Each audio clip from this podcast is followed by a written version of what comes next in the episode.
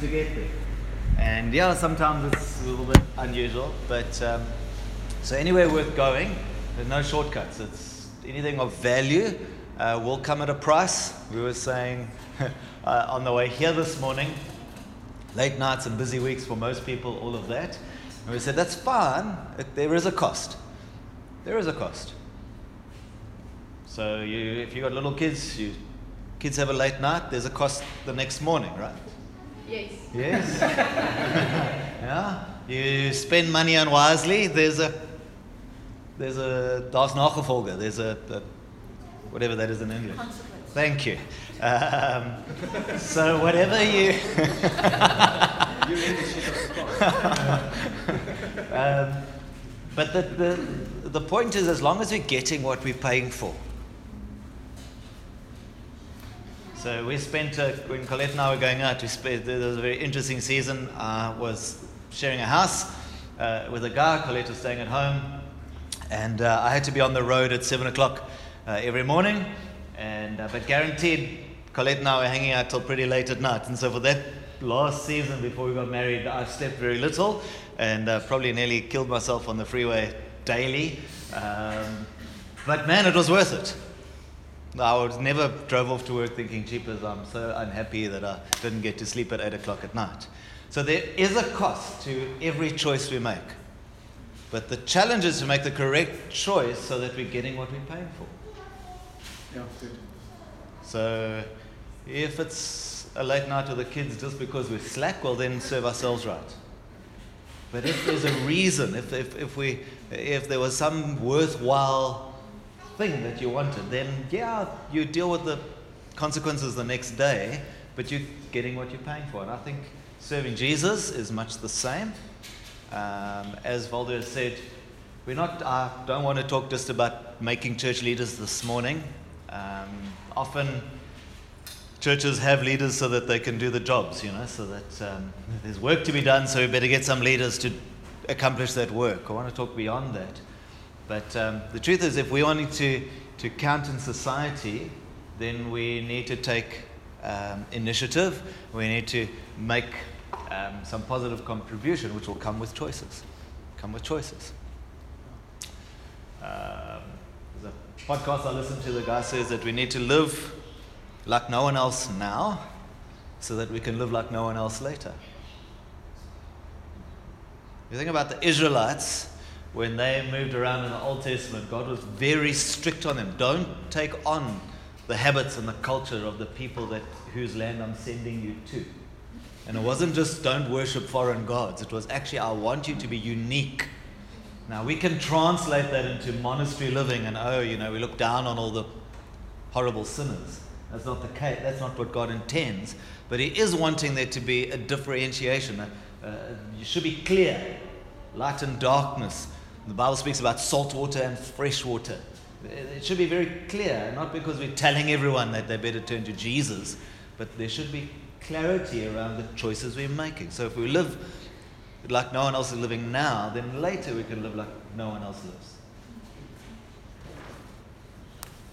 So it would be great just to have free range kids, let them do whatever they want. Um, I reading an article, and a guy said, um, uh, democracy, and even in church life, democracy is quite a, there's a big drive for democracy. We all want a vote, we all want a say in what the church should be doing, and so on. But he says, but the, the picture of church in the Bible is that of family. And it's interesting in a family, the mature members of the family normally outnumber, uh, the, the immature members of the family normally outnumber the mature members of the family. Sure. So we had two kids because we didn't want to be outnumbered. but many people have more than two kids. If you have a household of five, two parents and three kids, could you imagine if there was a democratic vote every day? Like, what should we have for supper? Well, three against two says. I mean, how would that work? yeah, yeah.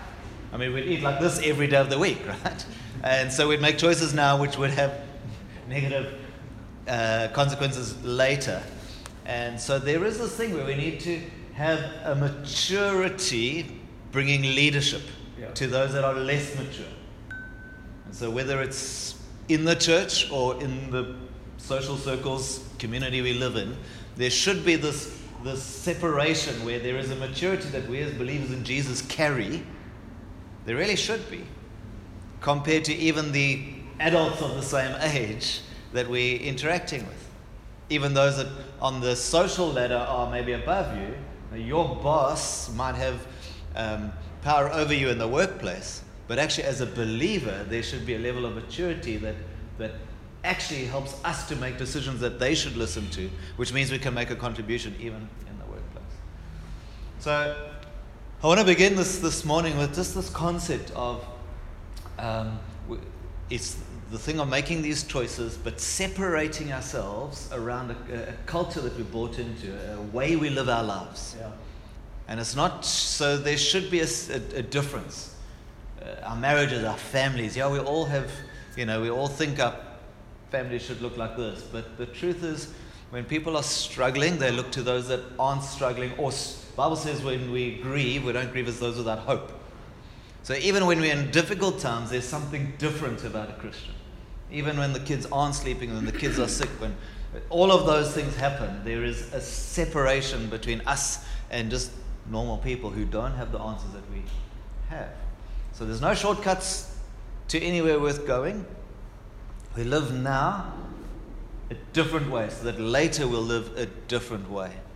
And uh, so this morning, we're not, I'm not just here to try and say, right, I'm sure there's some extra jobs at Chrysler, and uh, so now we're going to do some training so that we can have people to do the jobs. Uh, that's not what we're talking about. So I, I want to talk about uh, building a culture of leadership. So we're talking around leadership this morning, but I want to talk about a culture of leadership, not seven tricks of what a leader should be. We can do that at length. That's easy. I think what we want to talk about a culture of leadership because that's a different. We're not just here to say who's the next official leaders at Kreislich, and so let's do some training, and then we can, they can become that, and off we go. Rather, that there would be a culture of leadership. So, Yeah. uh, from our prayer time uh, on Wednesday night, a number of words came through, so I'll just quickly mention them, and then you guys have heard them, and then we can look at tomorrow. But um, uh, some of you guys know JP and Nandi, JP Smith, and uh, he brought that scripture of the workers. The one at the beginning of the day got paid this much, in the middle of the day got paid the same, and the guy at the end of the day got paid the same. And uh, he said, I felt that the church must be multicultural, and the scripture confirms that God has all given us gifts, and they all got the same amount of money for working different hours. It reminds me that God loves us all the same, regardless of where we join in the day, and we must go and proclaim His gospel to all. Uh, everyone is on a similar footing. Those who came at the beginning, and those that come along the way, and those that, that will still come, and we should embrace them and welcome them quickly. So some of you guys have been here almost from the beginning of Chrysler. Some of you guys are relatively new, but the challenge for me, it's around 18 months you've been going, Yeah. more or less, eh? Oh, yeah. yeah. Yes. And um, the challenge for me, for you guys, is that as much as you, you've, you've built so far, But God will keep adding, and guys will come later in the day. And it's very easy for us to say, hey, but I've been working for hours already. This guy's just turned up. Who does he think he is? And so I want to encourage you, to, off of JP's uh, word, is to continually keep your hearts open to those that will arrive, even if they outpace you. Like, man, this was my job, and now that guy's coming, he's better at it. Now, now he thinks he's going to do what I've done all along, and now we feel like we lost our identity in the church. Or, man, now my, my best friend in the church is best friends with him, and uh, you got to keep our hearts open. Otherwise, you, this church will never go bigger than just a little happy club of people. Okay? Um, sorry for that. um, yeah, man, the guys prayed with, with such a sense of faith, particularly around the kids. The guys love the kids. Uh, they asked after the kids. We were praying about building issues and what we're going to do this winter with the children and the cold and the rain. So we were just praying on your behalf. And yes, the, the church rose around, around kids. They said, uh, um, great sense of faith around your children uh, in terms of outreach because kids bring friends easily, access into community. It's an easy reason to meet people. Um, integration. Kids have friends that might not fit into our social circles as parents. All of a sudden, your kid now introduces you into a different social circle, different part of town. um, growth, and then joy. Children bring a delight. Um, and then one of our ladies, her husband and her oversees our kids ministry, and she said this. She said, um, 18 months is when a child is curious, wanting to investigate, always moving. The parents are always checking that the child is safe. Does that sound familiar? Uh, Valde. Um, it's exciting, it's fun, and it's joyful times for the child. Having so many children here in this church already is exciting times for the church. God is the parent of the church. The two year mark is coming soon, and most parents say it's the terrible twos. Uh, but no, it's the most exciting, adventurous, joyful, and rewarding time for the child. The child receives the best love and attention, and God is mighty, and the love he has is the love of a father. And so, although this stage of the life of the church can be quite wild, it can be quite unpredictable, it can seem like there's a, a lot of kind of close hand contact. Um, make sure you notice the joy and the excitement and the discovery and the, the um, curiosity that comes at this season of the life of the church. Uh, so you can turn with me to Isaiah 41, please.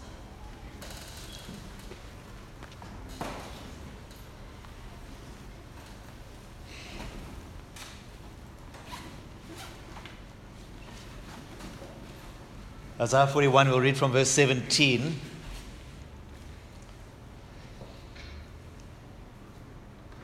Isaiah 41, 17, it says, When the poor and the needy seek water, and there is none, and their tongue is parched with thirst, I, the Lord, will answer them. I, the God of Israel, will not forsake them. I will open rivers on barren heights and, uh, and fountains in the midst of the valleys. I will make the wilderness a pool of water and the dry land springs of water. So that sounds great. When if you've ever been thirsty, to come upon some, some water and refreshment is a great thing. Now remember, that's where our community lives, dry and parched. Uh, we've recently been, um, uh, we've done a uh, sermon series at, at home uh, called Unstuck, getting out of our routine patterns. And the challenges in South Africa at the moment, most of us have too little money and, and are overworked. If you look at the stats, uh, I think, uh, I'm trying to remember now, but most South Africans aren't able to fund one crisis in their month. So your dishwasher breaks, most people have to go, to de- go into debt. So most people uh, are under pressure, we're, we're stretched. So not just you and me, but the people we come into contact every day. So there is this poor and needy seeking water. There is this barrenness. And then God says, I, the Lord, will answer them. Um, the God of Israel, will not forsake them. Then he says, I'll make rivers. So isn't that great? So there's the answer. So there's a progression in this passage. It's beautiful. Um, he says, I'll make the wilderness a pool of water and the dry land springs of water. And then he says this. So, so he's giving his intention. So we've got the problem, dry and struggling. We've got the solution. There's great water and resource and refreshment. And then he says, right, so, so how am I going to accomplish this? Because this is the Lord speaking. He says, he says it like this in verse 19 I will put in the wilderness the cedar and the acacia, the myrtle and the olive. I will set in the desert the cypress, the plane, and the pine together. Now, I'm not a great gardener, but I know that those, none of those belong in the desert. I haven't seen too many pine trees in, in the desert. They're normally like horrible little, little small um, shrubs. But you notice how many? So there's pine trees, the acacia is a thorn tree. Um, there's all these different types of trees. I could take hours going into the differences around what you do with each kind of tree. The cedars of Lebanon in the, in the Old Testament are mentioned often the, the, the uh, Israelites never had that kind of wood. So when they built the tabernacle, when they, when they built the, the temple, and when they built big structures, they were always put sending off on ships for cedars of Lebanon to come. There were these big trees. So you've got these big trees like that that don't belong in the wilderness, but God puts them there. Then you get the acacia, which is a thorn bush. You get the myrtle, myrtle. Some of them are fragrant. Some of them, all these different puts them together. And then it says, when that happens, Verse 20, that they, who's the they? The people that are in the dry places. It says that they may see and know. They may see, so they'll observe, but they'll also know, they'll understand. They may consider, so they'll think about it. Won't just like, oh, that's nice, move on. But they'll, it'll actually keep coming up in their, in their um, thinking. And understand together that the hand of the Lord has done this, the Holy One of Israel has created it. It's interesting. Tyrone Daniel, who leads the NCMI team, says, says um, if you take the fivefold ministry, we always think, ah, fivefold apostles, prophets, evangelists, pastors, teachers, they like the spiritual guys, they, got, they belong together. It's natural that, you know, we just assume that that all happens. Ephesians says God gives those gifts. We just think, okay, great, it's a team, off we go. But the point is, I mean, have you ever spoken to an evangelist? He has very little interest in things that the other gifts have great interest. So if you think of the pastor, the pastor's thinking of, oh, shame, this person didn't come to the meeting. I wonder where they are. Are they sick? Are they okay? The evangelist is saying, I don't care about anyone that should be at the meeting. I want to go to the people that shouldn't be at the meeting. you understand the point? The apostle's always booking another trip, and the, the, the, the, the teacher's always thinking of another lesson. Yeah? I mean, if you ever had five more different types of gifting, we have it right there. And his point is if not for the Holy Spirit, how would we function together? There'd be this constant pulling of, no, let's make a soup kitchen. No, soup kitchens are terrible. Let's have a Bible college. You know, there's this constant fight for what comes naturally to me because that's who I am. He says, without the Holy Spirit, we're in big trouble because you need each of the strengths. But the problem in a church, when someone gets a strength, they're often the difficult person in the room.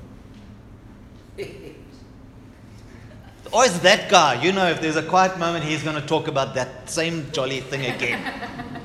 it's always like that. And everyone like rolls their eyes and waits for them to finish, and then it turns into party politics because now you've got to get some people on your side that also want to agree with you. Yes, we need to do whatever that thing is. Hmm? And we end up at kind of disagreement, or it's almost like we've got teams in the church, and the one team's trying to beat the other team. But actually, if the, if the Holy Spirit is with us, He puts us together. He puts the, the tall tree and the short tree with, with thorns and the shrub and the bush, He puts them all together in the wrong place, not in the environment. And in, in one sense, we as believers have been put into a different environment. And so, because of the Holy Spirit, we, He helps us to function together. And when that happens, it says people will look, see, and understand. They'll consider and know that the hand of the Lord has done this. So, my encouragement to us going forward in this church, God will add different types of people to you. We carry at our church, we carry this amazing word which we've treasured for a long time. How God will add people with different hairstyles, different hair colors. Some will come on skateboards, come, some will come on bicycles, some will come by car. Different types of people that don't fit together. It's so beautiful. We actually now have people coming to church on bicycles and they stand against the, the wall of the church and we look at this and we go, oh, Lord Jesus, it's starting, you know? Um, and when you, do, you know those bicycle people, do you guys ride bicycles? I know some of you would. You talk, about a, talk to a bicycle person, you talk to a car person, they're very different. They're very different, yeah? But how do they work together? How do they, when the Holy Spirit is in us, where there's a culture, not just a fighting for, okay, I'm a leader, I want to lead this thing, or I think this is important, so I'm going to push for this agenda. The Holy Spirit is with us. He, he puts a culture in us. Um, and then those around us actually are able to see that the hand of the Lord has done this. Can I talk politics? Everyone else does. At the moment, it seems to me that every party is trying to split the country into factions. And each one saying, we do this better than you. And you, they say, no, no, you are terrible, we do this better. And that can happen in the church as well. The hand of the Lord brings us together, different types of people, different ways of thinking, different backgrounds, different places we grew up. And uh, at home, we always laugh. We're probably generally the least educated people in any meeting that we have in our church. Um, and God has put us in the midst of all of that. And so, for this church to go on, we don't just want this many leaders to do this many jobs. You want a culture of leadership that can lead beyond just getting the chairs straight and making sure that there's worship and someone to preach. We want a culture of leadership which says we will take the initiative. We will pay a price now, making sure we're paying the right price so that we're getting value for money.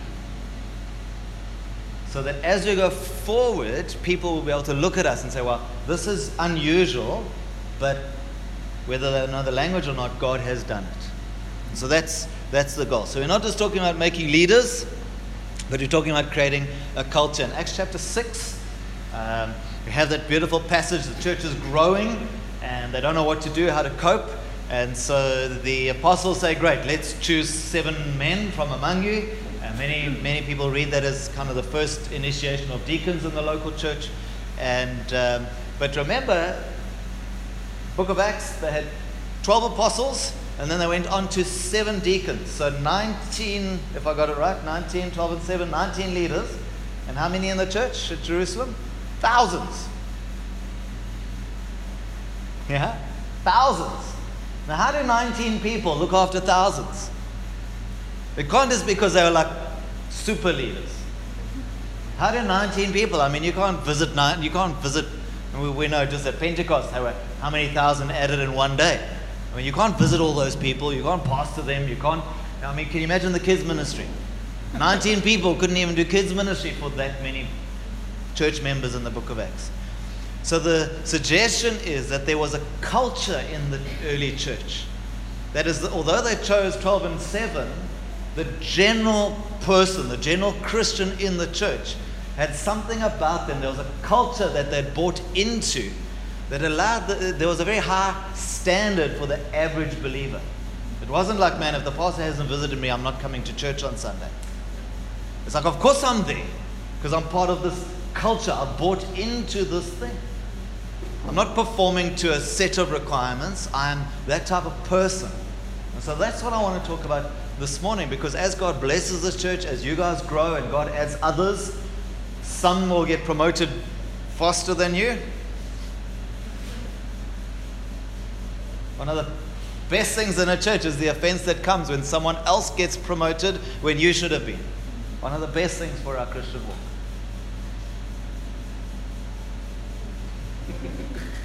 yeah. One of the best things. My story is I got announced as a young guy, I got announced to the church three times that I was going to be made a deacon before I was actually made a deacon. So three times I said this group and Craig, and then on the Sunday, not Craig. And then the next, and Craig, and then on the Sunday, not Craig. Yeah, I do. That's what I'm telling you about. That. I was announced twice that I'd come on eldership. My family was coming. I got a, we got a phone call the Friday night, uh, the Saturday night late to say, um, come have tea. And I tell you, those offenses were part of God's working in our lives. And if this group, you guys, if this group of people doesn't embrace that now, so actually, there isn't a shortcut past this, then God can't grow this church. He can't add different types of people. He can't bring a guy at 3 o'clock in the afternoon when you've been working from 7 o'clock in the morning and you're saying, hey, who's this Paluka come in here? Doesn't he know, you know, there's a process and he must wait his turn? Of leadership, a heart that says, I'm part of the leadership of this group. I'm not just filling a job title. Says, we'll welcome those people. I'm, I'm the cedar and we haven't got any acacias. And when the acacia comes, they're prickly. Yeah? I'm just trying to help us this morning to future proof because these things will happen, I guarantee you. Guarantee you. Come on. So, uh, I mean, think of this. What environment would you like your kids to grow up in? We're talking about a culture, not just making leaders. What environment do you want your kids to grow in? Do you want them to grow, grow up in a culture of leadership, a, a, kingdom culture where the, the values that we want? Obviously, I mean, how are you leading your, your homes? For that reason, right?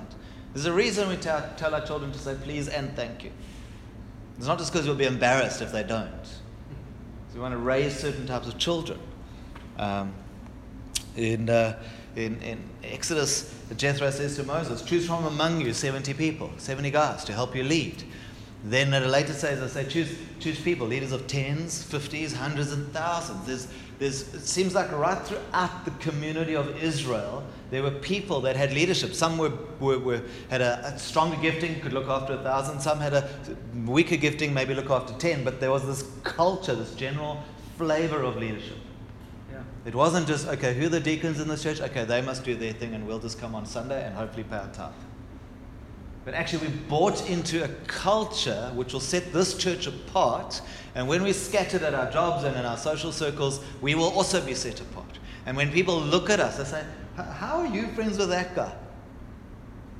I mean, most of, in fact, most of you guys we wouldn't have ever met other than the gospel. Most of us, even if we had met, wouldn't be friends but for the gospel. In fact, many of us would actually be enemies but for the gospel. And when people look at that, they go, actually, that, that is unusual. How did, wow, you know, you guys are in competition of business, but you're friends. How does that work out? They can see and know, consider and understand that the hand of the Lord has done something special. And so i have said it a few times, but I'm, we're not just talking about the gimmicks. This is how, how you perform as a church leader.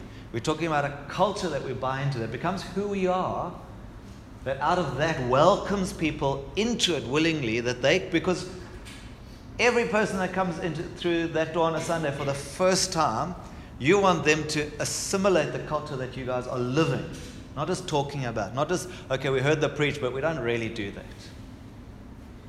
If I can be a little non politically correct, according to the Pope, um, birth control is outside of the realms of the Roman Catholic Church.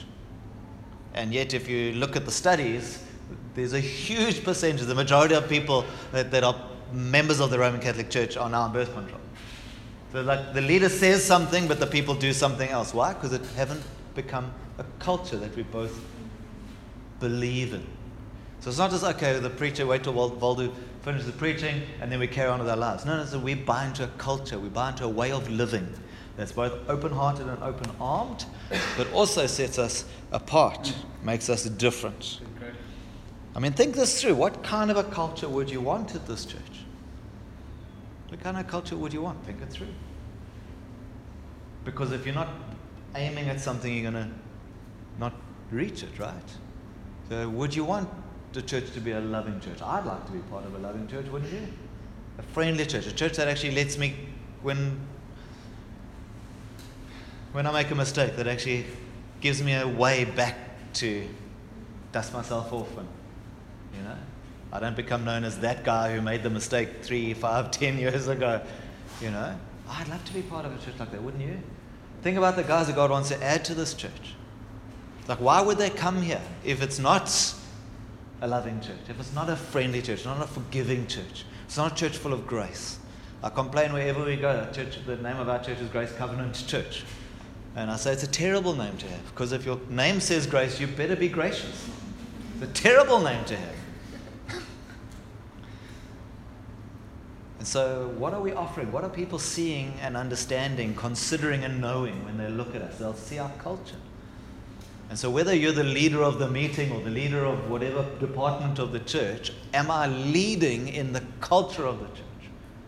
Am I leading in advancing a culture of love in this church? Am I leading in advancing a culture of open heartedness in this church? Because can, can, can I just be straight up? A church this age and this number the biggest threat you have is being insular. We know each other quite well because we've had an amount of time together, and then for other people to get into that group is very difficult. Anywhere in the world, not just this one. Yeah? And that's the biggest challenge that you guys will face. Open your heart, to be able to open your hearts and not to say, okay, but for each one of us to take ownership and say, I'm leading, I'm making progress in this so that this church might be known. People say, oh, that's a loving, forgiving, so on and so on. Let's face it, the church in many areas has a bad rap. what a church is known for is not really what we want to be known for, right? The cool thing is, is that it's actually quite simple. Because it's so different from the world and so different from many Christians, we will stand out quite simply.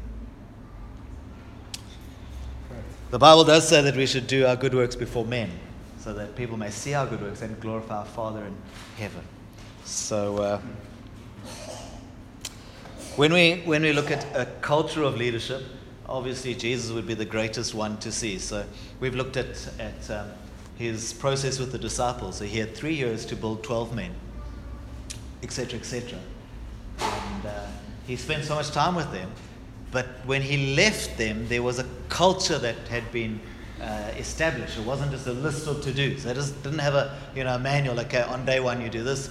They, he, he left them with uh, the sense of, of, of a culture. Um, I don't know about you, but uh, I've been a Christian a long time, and I still battle to remember all 12 names of the disciples because the Bible's very un- unhelpful. They're normally half a list here and three quarters of a list there, and a bunch of the guys have got two different names, so on different lists. They, yeah? I'm just making my confessions here. But um, it's amazing. James, James was the disciple that died the youngest. He served Jesus for just a short time, and then he was, he was martyred. And so James teaches us about total surrender. It's like, man, I'm following Jesus, all. I think it was 14 years that he served Jesus. John, his brother, teaches he was the disciple that died last. Isn't that amazing? So who was more important? He was the disciple that died last. He was the disciple of love, remember? So he teaches us about intimacy, but he also teaches us about longevity. Serving Jesus for your whole life, right to the end. He's the guy that ended up in Ephesus, looking after Mary and keeping the church going in his 70s and older. Um, Peter, we all know Peter, right? Peter's on most of the lists. Uh, he, he's a cool guy. He teaches us by revelation. You are the Christ, the Son of the living God. And Jesus says, Only the Father has revealed that to you. But he's also the guy that, that helps us understand rebuke and restoration. Uh, Andrew, Andrew's a guy who teaches us to point people to Jesus. He meets Jesus, let me just go get someone else. Let me go get my brother. Um, Judas,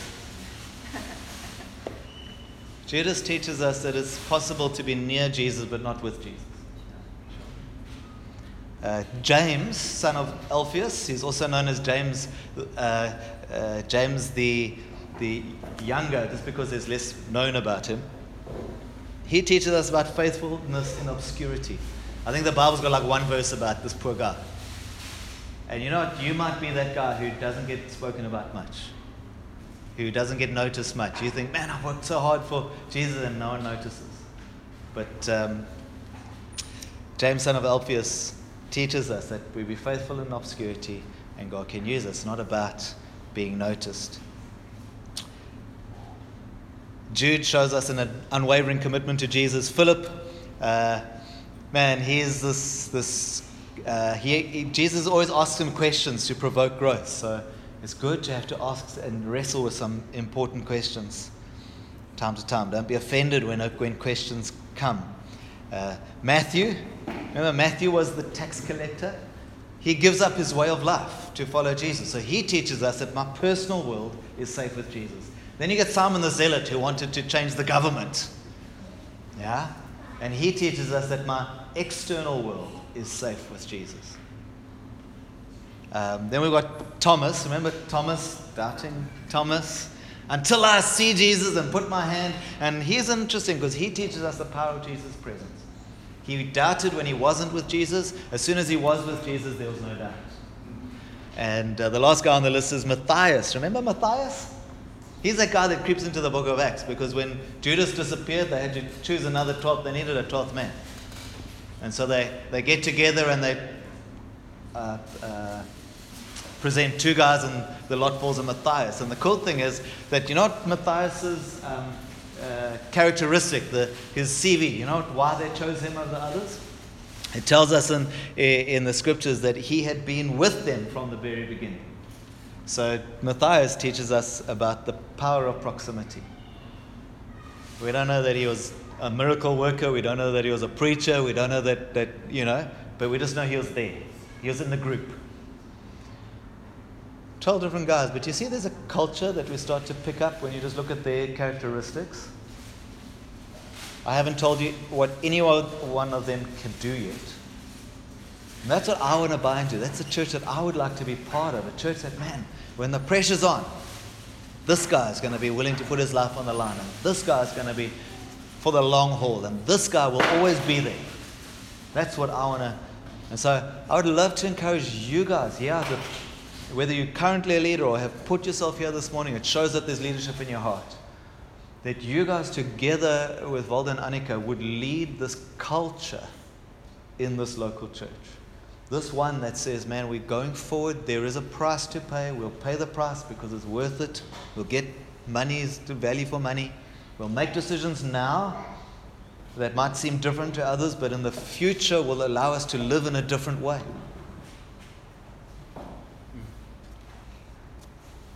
Live in a different way now, live in a different way then. And then as God brings people that are different to who you guys are now, there'll be room for them, there'll be space, and they'll be um, welcomed. So, Chrysler Church, I want to tell you this morning that these are the good old days. Right now, these are the good old days. In 10 years' time or in 20 years' time, there'll be men and women. Maybe some of you will still be around There'll be men and women that look back. Oh, remember when we met, met at uh, Zandrift, eh? Zandrift. Remember then? Oh, remember that and the wine smell and the kids outside. Remember that? Oh, wow, those were the days. Remember that? Sure. Look what God has done from then to now. Hey? These are the good old days right now. Yes, they're difficult, and, but if you just keep going now, you, in the future, some will look back and say, I'm so grateful that there are men and women in this season of the life of the church that paid a price because we're living in the privilege of that price. There'll be a culture here that when people come, they will have to assimilate, they'll, they'll pick up no one will look down on them and say, oh, we don't do it like that here. But there'll just be this, this, this air, this culture that as you come along, people will fit in. Yes, we love each other. We don't mock each other. We don't, there'll be this way that people assimilate. I want to say to you that these are the defining moments that will shape the culture of your church for generations to come. That's why it's worth it now. There's a reason that you train your child. Colette's always told new mothers. There's a reason you teach your child now, because later you'll, you'll thank yourself. Yeah? There's a reason for that. Um, you guys are the crafters of this house, of this family that others will join and whose culture they will assimilate. That's why it's so important that this crop, this era of the life of Chrysler Kerk, gets it right. That you have this culture that isn't just, okay, oh dear, um, I shouldn't say this, but I will. Uh, we, were at a, we were at a church, a nameless church somewhere in the world. and uh, guys were doing duties. We don't like that word at all. And uh, the guys that were on duty were struggling like anything. You know those days when no one turns up and it's just you and it's horrible? And they're like, oh, won't my, my friend who, who, you know, who's on duty next week, can't they help us? And the guy was like, no, I'm not on duty this week. Sure. You see, that's someone that's just been trained the monkey tricks of a leader, hasn't got the culture of a leader. Yeah, you understand my point? It's like, uh, no, no, no, I'm, I'm booked for next week. You know? Um, this person's having a crisis. Oh, sorry, you know, that's someone else on duty. This, you know, he's got the church phone. Phone him. It's kind of like the Good Samaritan, you know. And I, that's why it's so important that this church contends in an open hearted way for what will become. I mean, you guys have, there's very few people that are part of a church plant. Very few. Just numerics. Yeah? And so you guys have the opportunity to, to build this platform that, that um, God will use to reach into this area now that later people will thank you for. The challenges that you buy into now will determine the culture that you live in then. The values that you embrace now will determine the culture that you live in then. The sacrifices that you're willing to embrace now will determine the culture that you will live in then. The successes you celebrate now will determine the culture that you live in then. The failures that you commend now will determine the culture that you live in then. Did that one confuse you? It should have. The failures that you commend now. Because there's a great expectation that we get it right. There's a huge uh, weight of burden that gets put on a pastor that if you're going to try something, it better work. Otherwise, like you doubt his spirituality. Soup kitchen, okay, it tried, it failed, and it's. Like, are you even a believer? You know, like, did you not hear God? Hello? Am I, am I right? But here's the thing The moment a church puts that burden on a leader, then we live in that culture and no one tries anything. See, the burden that you put on them, it becomes a culture, which then you live in, and then you're also limited, and no one wants to try anything. Yeah, come on. Sunday morning, I had the strangest thing. I stood up, I said, actually, we do two meetings on a Sunday, so I had like two, hour, two and a half hours to wrestle with this thing.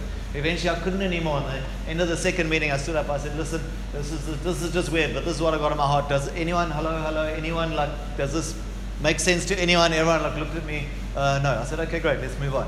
Uh, please turn in your Bible. Like, I felt God had put something prophetic on my heart, and I, I tried it. Didn't work. Fortunately, at the, after the meeting, some lady came to me and said, uh, and maybe God was in it. But here's the point I hated the moment. I was embarrassed. I felt like some guy's going to think, sheesh, what kind of a preacher are you? But I knew that God was saying to me, I need to be able to live with the celebrating of failures for myself, but I also need to open the room for others to fail well. Yeah, come on. Yeah, So, what's the kind of culture that you guys will develop here? Because it's a culture that you guys develop that others will come into. And depending on how this season of the life of the church goes, remember that quote, terrible twos are coming. They can be exciting, they can be daunting, depending on you guys. And when people come, what will they, what will the smell in the air be? wine. Yeah, hopefully it's the kind that you pour and not the noise that you make, okay? Um, Okay, yes.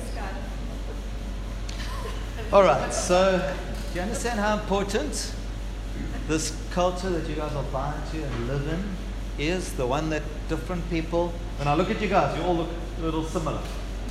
Similar stage of life, many of you have kids, live in a similar area. Now, what happens when more guys like me struggle with Afrikaans come along? What happens when people that have other kinds of interests come along? It's like, you know, will you like have those people this side and those people that side?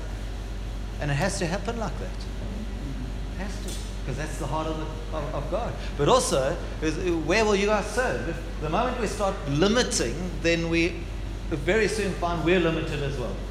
Like I said, next thing I know, I'm too scared to make a mistake. That means everyone's too scared to. make a mistake. Yeah, good. So that's the culture. What's the culture you want to live in? Remember, this culture, if you can get it right, people will look at you and say, hang on, it doesn't make sense. All these different trees in the desert, but look at it. There's water in the desert that flows when different types of people get together. And there's this culture of, man, we, we, we making the hard calls, choosing on purpose. Choosing on purpose. Yeah, good, Craig. Uh, full disclosure, we were talking about it, so I'm, I'm, I just have to tell you that. But, but we were saying, I mean, prayer at churches is not easy anymore. We pray once a month as our church, and even that God struggled to get to. Yeah? Yeah? But so what do we do? Do we cancel the prayer meetings? When we do something poorly that's important, do we just not do it? No, we contend for this thing. You know, when guys are sitting bored in worship, do we stop singing in churches? Some churches overseas, it's more like people sit and watch the band, like a concert, and then the preacher. Why? Because it was difficult to get people to sing and engage in worship. So what do you do? When all else fails, you lower your standards. You can't. You've got to contend for it. And it's not easy and it's not natural. I, I, was so shocked. One of our elders is a Zulu guy married to a Xhosa woman. And I just took it for granted. Other way around. Sorry, a Xhosa guy married to a Zulu woman. And uh, I said, oh, they're on holiday next weekend. I said, man, you should have come with us to the Cape, you know, and had an extra week. And then, and they said to me, yeah, but I wouldn't have understood. And you forget that even language can, I, I just, it surprised me. He would have struggled in Afrikaans because of our history, right? Mine too, growing up in KZN. But um, the point is, how do we open our hearts to people that are not like us yet? hmm It's not because we have this list of performance items, it's because there's a culture that God has put in our heart of leadership, which means whether I'm in the office, whether I'm in social circles, the same thing comes out of me. I'm loving on the side of the hockey field, to the other parents as I am in church. Yeah, good. Okay, so it is a little bit kind of general and um, broad in terms of the concept, but now I want to bring it to bring it closer to home. And I want to speak about the fact that this culture of leadership is normally developed over time, and even the call that God calls us with, whether it's to have a specific titled role in a church or whether it's to be a Christian and function in a certain way, there's often a process of development that God takes us on. And we'll look at the life of some of these disciples and to see how, how they did it. Because I'm supposing that each one of us here are somewhere along that continuum. Somewhere along the way. Some of us are, are, are resisting taking the next step for Jesus. Some of us are counting the cost, wondering if it's worth it. Some of us have counted a cost. But the problem with Jesus is there's normally another lesson to learn after that. You know, there's grade two always comes after grade one, and there's, you know, there's always this because he's developing us glory to glory. Um, and so if you if you have a look at the, these brothers James and John, remember? So I said James died the earliest, John died the latest. Um, and so they were both part of a, a, a fishing business. They're businessmen. James was about 30, so he was one of the oldest disciples. Get this, so he was one of the oldest disciples that was chosen, and yet he died the soonest.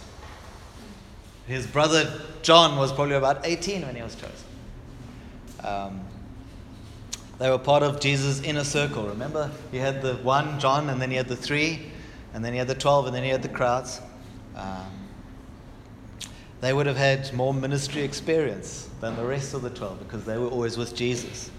And uh, they were nicknamed the Sons of Thunder. I'm pretty sure you remember that. Uh,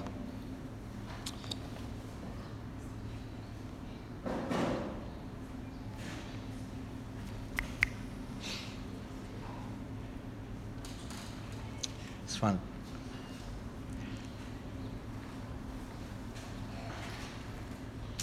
Just trying to find which. Uh, I've got the, the, the verse, but not the the address in my notes. Um,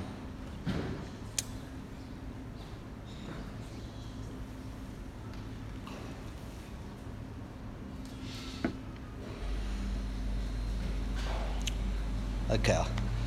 All right. So when we respond, if we're wanting to be part of this building, developing culture of leadership, it'll take. Um, it'll, it'll mean that we need to respond to Jesus with successive yeses. It's a response of successive yeses. Many of us kind of, I said yes to Jesus those days. I want to say we've got to say yes again regularly. Yeah. And normally it's- it's at the expense of ourselves. So I've got to say no to myself and yes to Him. I've got to say no to the world, yes to the kingdom of, of God, no to my own inclinations, and yes to His inclinations. Mm. And so if we are wanting to move forward, if we're wanting to live in this culture where we lead in God's kingdom, there will be this successive yeses because discipleship is progressive. Yeah. Discipleship is progressive. There's an assumption that we progress from one state of serving Jesus to another. And the danger is that we, we cap ourselves. We say, okay, this, this far and no more. We make some key decisions that limit what we can do for Jesus. And we kid ourselves, oh, it'll always be the same. But we put a key decision in our lives. We maybe elected to work a job, to change jobs, and now we've got to work double than what we used to. Chances are that it'll affect your ability to serve Jesus. And so we keep coming to these things of successive yeses where we, we need to re-evaluate again and say, will I serve Jesus more in the next step? So beyond the early stages of salvation, remember when we're brand new saved, just like a little baby, a, it's easy to say yes because we're in love with Jesus. Of course I want to read my Bible. Of course I want to tell people about, you know, we, there's this, this energy that comes around our initial yes to Jesus. And uh, the challenge is that we need to then embark on a lifelong serving of Jesus with successive yielding to Him and His will for our lives. Sometimes we seem to go through growth spurts. Have you noticed that in your life? You kind of, you sort of plateau and it's just me and Jesus. We wonder why nothing's changing. And then all of a sudden something happens and now you're waking up early or you're staying up late or you're talking to people. You know, like there's this growth spurt. And then generally it's because we made a yes. So we said a yes and we didn't say any more yeses. And then we say another yes. And all of a sudden, we, and if we can just keep saying yes, we can with these successive yeses. And I don't know about you, but I had this understanding with the disciples that they were like, Jesus walked past them, he said, Follow me, I'll make you fishers of men. And they were like, Yes, once. And that was the rest of it. That, you know, that was their whole life. And I took such encouragement to notice that these guys also had to take successive yeses, which we do too. So uh, Jesus cultivates a relationship with these young men. So you remember the, the deal. Jesus would have been much like a rabbi uh, who would have these young men live with him.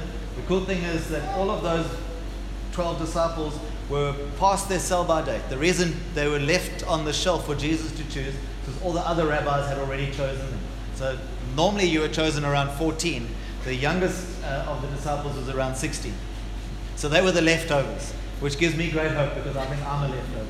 Uh, I think I wasn't the first choice for the other guys, and Jesus found me and helped me say yes to him. And I'm so there's room for all of us. Now, if there's room for us, there's room for others as well. And so Jesus comes along. Uh, you can you will remember. You're welcome to turn there. John chapter two. It talks about the wedding at Cana. Remember the wedding at Cana? We focus on the wine and the water. Remember the miracle, Jesus' first miracle? He said, My time's not yet. And then he, he did it for his mom, and, and the wedding was so great. Remember that? And uh, we often think of the miracle, but you know what was interesting? Um, it says here in John chapter 1, verse 35, it says, The next day, John was there again with two of his disciples. When he saw Jesus, when. Uh, when he saw Jesus passing by, he said, Look, the Lamb of God. When the two disciples, who were Andrew and John, heard him say this, they followed Jesus. When they said to Jesus, they asked him, So, uh, who are you and what are you about? He said to them, Come, he replied, and you will see.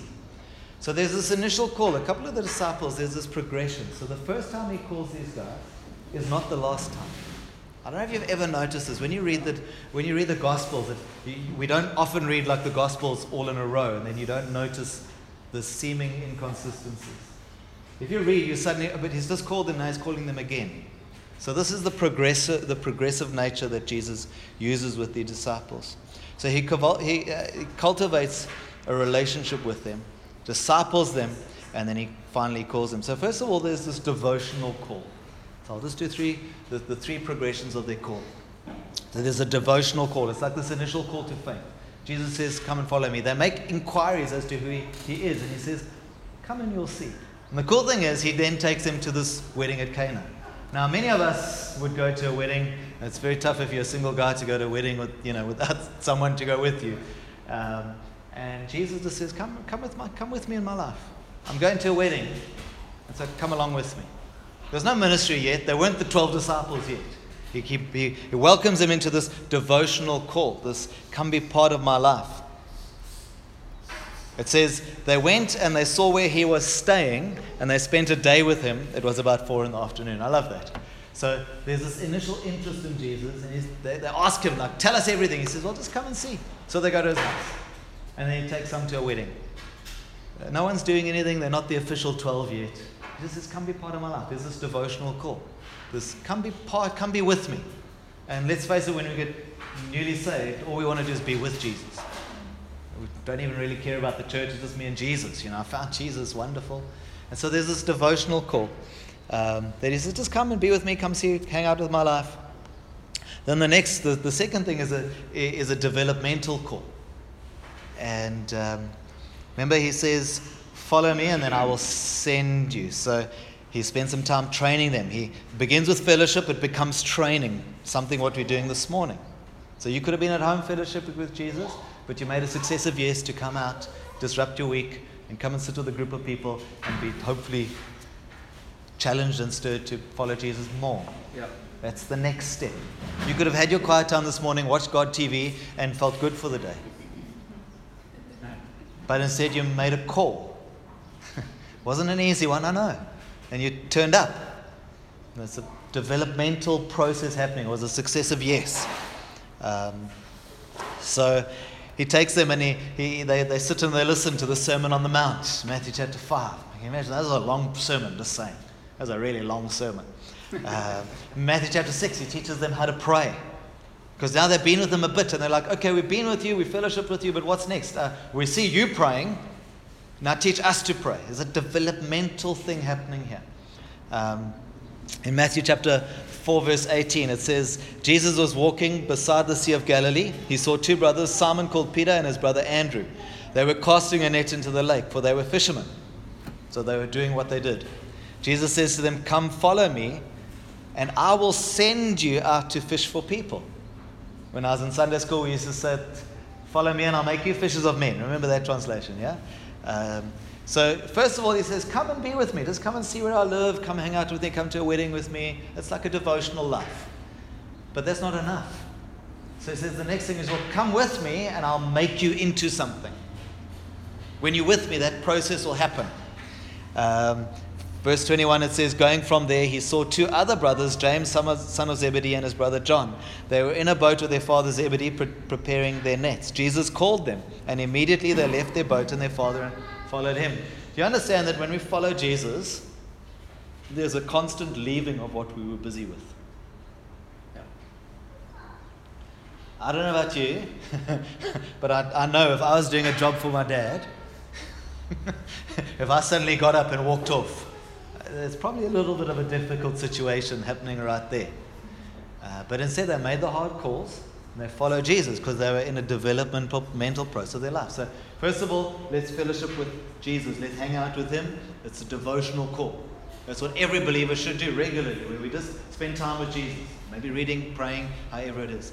But then beyond that, if we're willing to make some successive yeses, now remember, none of those guys had anything going for them. They were the leftovers. They were the guys that didn't meet the grade. So I'm not just talking about super duper Christians that get on this developmental track. It's actually the lowest specimens that Jesus brought in. And why am I impressing that? Because one day this church will have elders. One day this, is, this church will have a growing deacon team. And then it's very easy to say, oh, those people are like the special people and we're just the rest. And I say Jesus chose the rest. So devotional, yes, every Christian. But then it's, it seems to me that there's a level of, of responsibility on our side. Will I say yes? Because Jesus asked, many are called, but if you're chosen, he says. It's like the invitation gets sent to everyone, but not everyone will respond to it. I've known incredible men and women of, of faith who think they are God's second or third choice because the first and second choice didn't say yes. So we have this devotional call. Come with me and you'll see. Then we have this developmental call. Come with me and I will make you into something. Now, to do that, that's where the pressure's on. That means I've got to change the way I live. I've got to change, order, reorder my priorities. I've got to decide what kind of church do I want to be in and who's going to make it like that. I've got to be willing to fail so that others will be willing to fail around me. I've got to live now differently so that later we'll live differently. I mean, just think that through. In two years' time, how will this church live? I can guarantee you it'll live the way you guys are living now. So the way you live now determines the way two years, five years, maybe even 20, 50 years.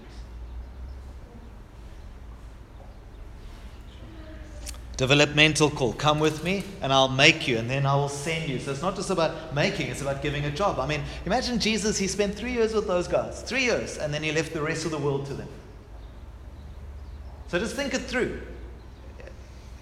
If you've been a Christian longer than three years, you're overdue, according to the disciples. I mean, honestly, I've been asking our church. So think about three years ago to now. That three years, how, how's your progress been? Has there been development? Because many of us just live life without checking. And from three years from now, it seems to me Jesus in three years had the guys ready to take over the world. So if you've been a Christian more than three years, think back three years. And then think, Lord, have I said enough yeses between that date and today. And therefore, Lord, help me make even more yeses going forward. So, the devotional call, let me be with you. Yes, wonderful. My sins are forgiven. the developmental call is, I've got to say yes more often than I want to. more often than I want. And then the, the third is a defining call. A defining call. It's like the commissioning call. So in Luke chapter 5, verse 3, he gets into one of the boats, the one belonging to Simon. Now remember, that's the equivalent of, uh, where's Eric? That's the equivalent of someone walking into your factory. It's the equivalent of someone taking over your boardroom in, a, in an office. It's the equivalent of someone taking the keys to your vehicles. So he, he gets onto the boat belonging to Simon, Luke 5 3, and he asks him to put out a little from shore. Then he sat down and taught the people from the boat. And the scientists tell us there was a reason because of sound traveling and all of that, so the guys on the beach could hear him nicely. Uh, Luke 5, verse 10 says, Then Jesus said to Simon, Don't be afraid. From now on, you will fish for people. Have you ever noticed you're like, is it the same story, but the, they got the facts wrong? No, it's not. There's three distinct times that Jesus makes this call. This is the third one. He says, Don't be afraid. From now on, you will fish for people. So they pulled their boats up onto the shore, left everything, and followed him. I mean, we read this like, like Sunday school stories. But think it through. I locked up my place of business that I own for the night, and I never went back there again. I mean, you guys had a moment where you packed your car and you packed your suitcases and you left Joburg and you came here. Some of you guys have done the same from other parts of the country. But there's this moment where actually, okay, Jesus, it's yours. Successive yes. But the amazing thing is that's not the last time. there's more, more to come. And so it's in this defining call that there's a line drawn in the sand. Jesus says, from now on. So let's start, go back to the beginning. Let me just stand on the right side. So there's this devotional call. Come fellowship with me. Cool. Most Christians get stuck there. Then there's this developmental call. Come with me and I will make you. In other words, there'll be a process that I'll work out in you. the making. And then we get to the third one. He says, From now on, you will fish for people. There's a line drawn in the sand. From now on, there's an, an exclusive call, not just as part of your life, but you see the funnel. So there's this wide open. Anyone can come hang out with. Anyone can come fish. Then there's this, okay, now the banks of the river are getting closer. I'm doing something with you. And then finally, it's very fine. The focus is very narrow. To do those things, you need to not do all of these things. Yeah. Yeah. There's this exclusive call. Says, From now on, you'll be defined by this call. This goal will be the pursuit of your life. Every part of your life will be focused because this will be the purpose for your life. They will no longer be an end in themselves, but they will be called to serve this greater call. Their work, their family, their heart, their headspace. Everything will be focused on that call. Now, the point of this morning is not to make churchy leaders. The goal for all of your life in this training this morning is not so that you can have more lead elders and preachers and pastors. Might be, but not exclusively. The goal is that we buy into this culture of leadership which demands successive yeses to Jesus. And you will find, I don't know for you what, the focus of the life will be. Yes, we start fellowship, devotional call. We be, get this developmental call where we start realizing, you know, there's certain things that just don't interest me anymore. We've met this amazing young couple. They're part of a church in, in uh, Joburg, and we met them in France. And uh, uh, he's on staff, she has a business, they don't have a huge amount of money. So, what they did is they downsized their house. They went from a lacquer house to a tiny little flat. They got rid of their TV, they got rid of their cleaner. They downsized their life so that they could save money because they have a heart for the nations. They have particularly France. So, because of the way they live their life, they can now get to France more regularly, but normally still trust in the Lord. You see what happened? They, they, they hung out with Jesus devotionally. And then he began to just narrow. And some of us fight against that. We say, oh, it's so narrow, Lord. No, it's delightful. Who cares about that stuff when I've got this stuff? So who cares if I've got to clean my own house? Who cares if I'm in a one bedroom, not in a three bedroom? Who cares if I can't watch TV? Because actually, there's, I'm saying yes, I'm saying yes, I'm saying yes. And then eventually they get to this from now on, you will be. And that's the focus of their, their life. And so, can we just assume that I've managed to get the, the point across?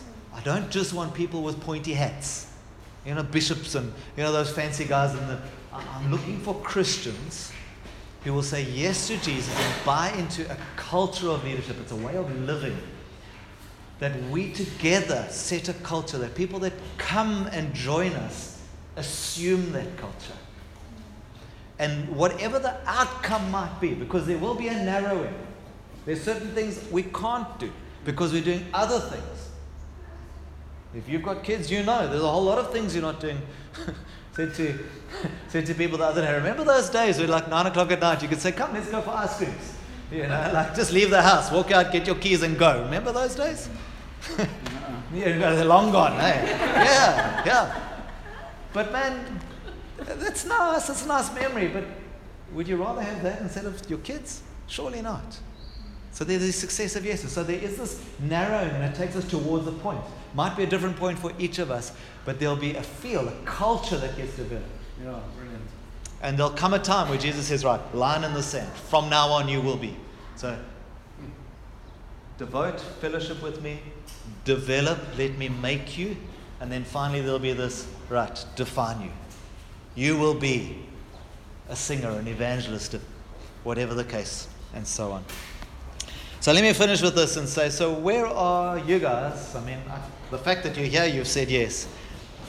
But where are you in this progression? Are you still in the devotional stages, or, or where do you spend more time?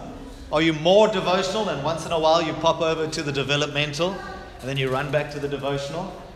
Or uh, are you allowing God to develop you? Are you still getting to know Jesus? Just the devotional? Is it about you? You know, I love people. Oh, I, I don't know that anyone in this room has done this, so if you have, forgive me. But I love people that open their Bibles and they read this beautiful passage, you know, like you get on a, a greeting card. It's lovely. And then people love to say, you know, where it says that, that person's name, just put your name there. Isn't it wonderful? And it's not wrong. There's nothing wrong with it if you've done that.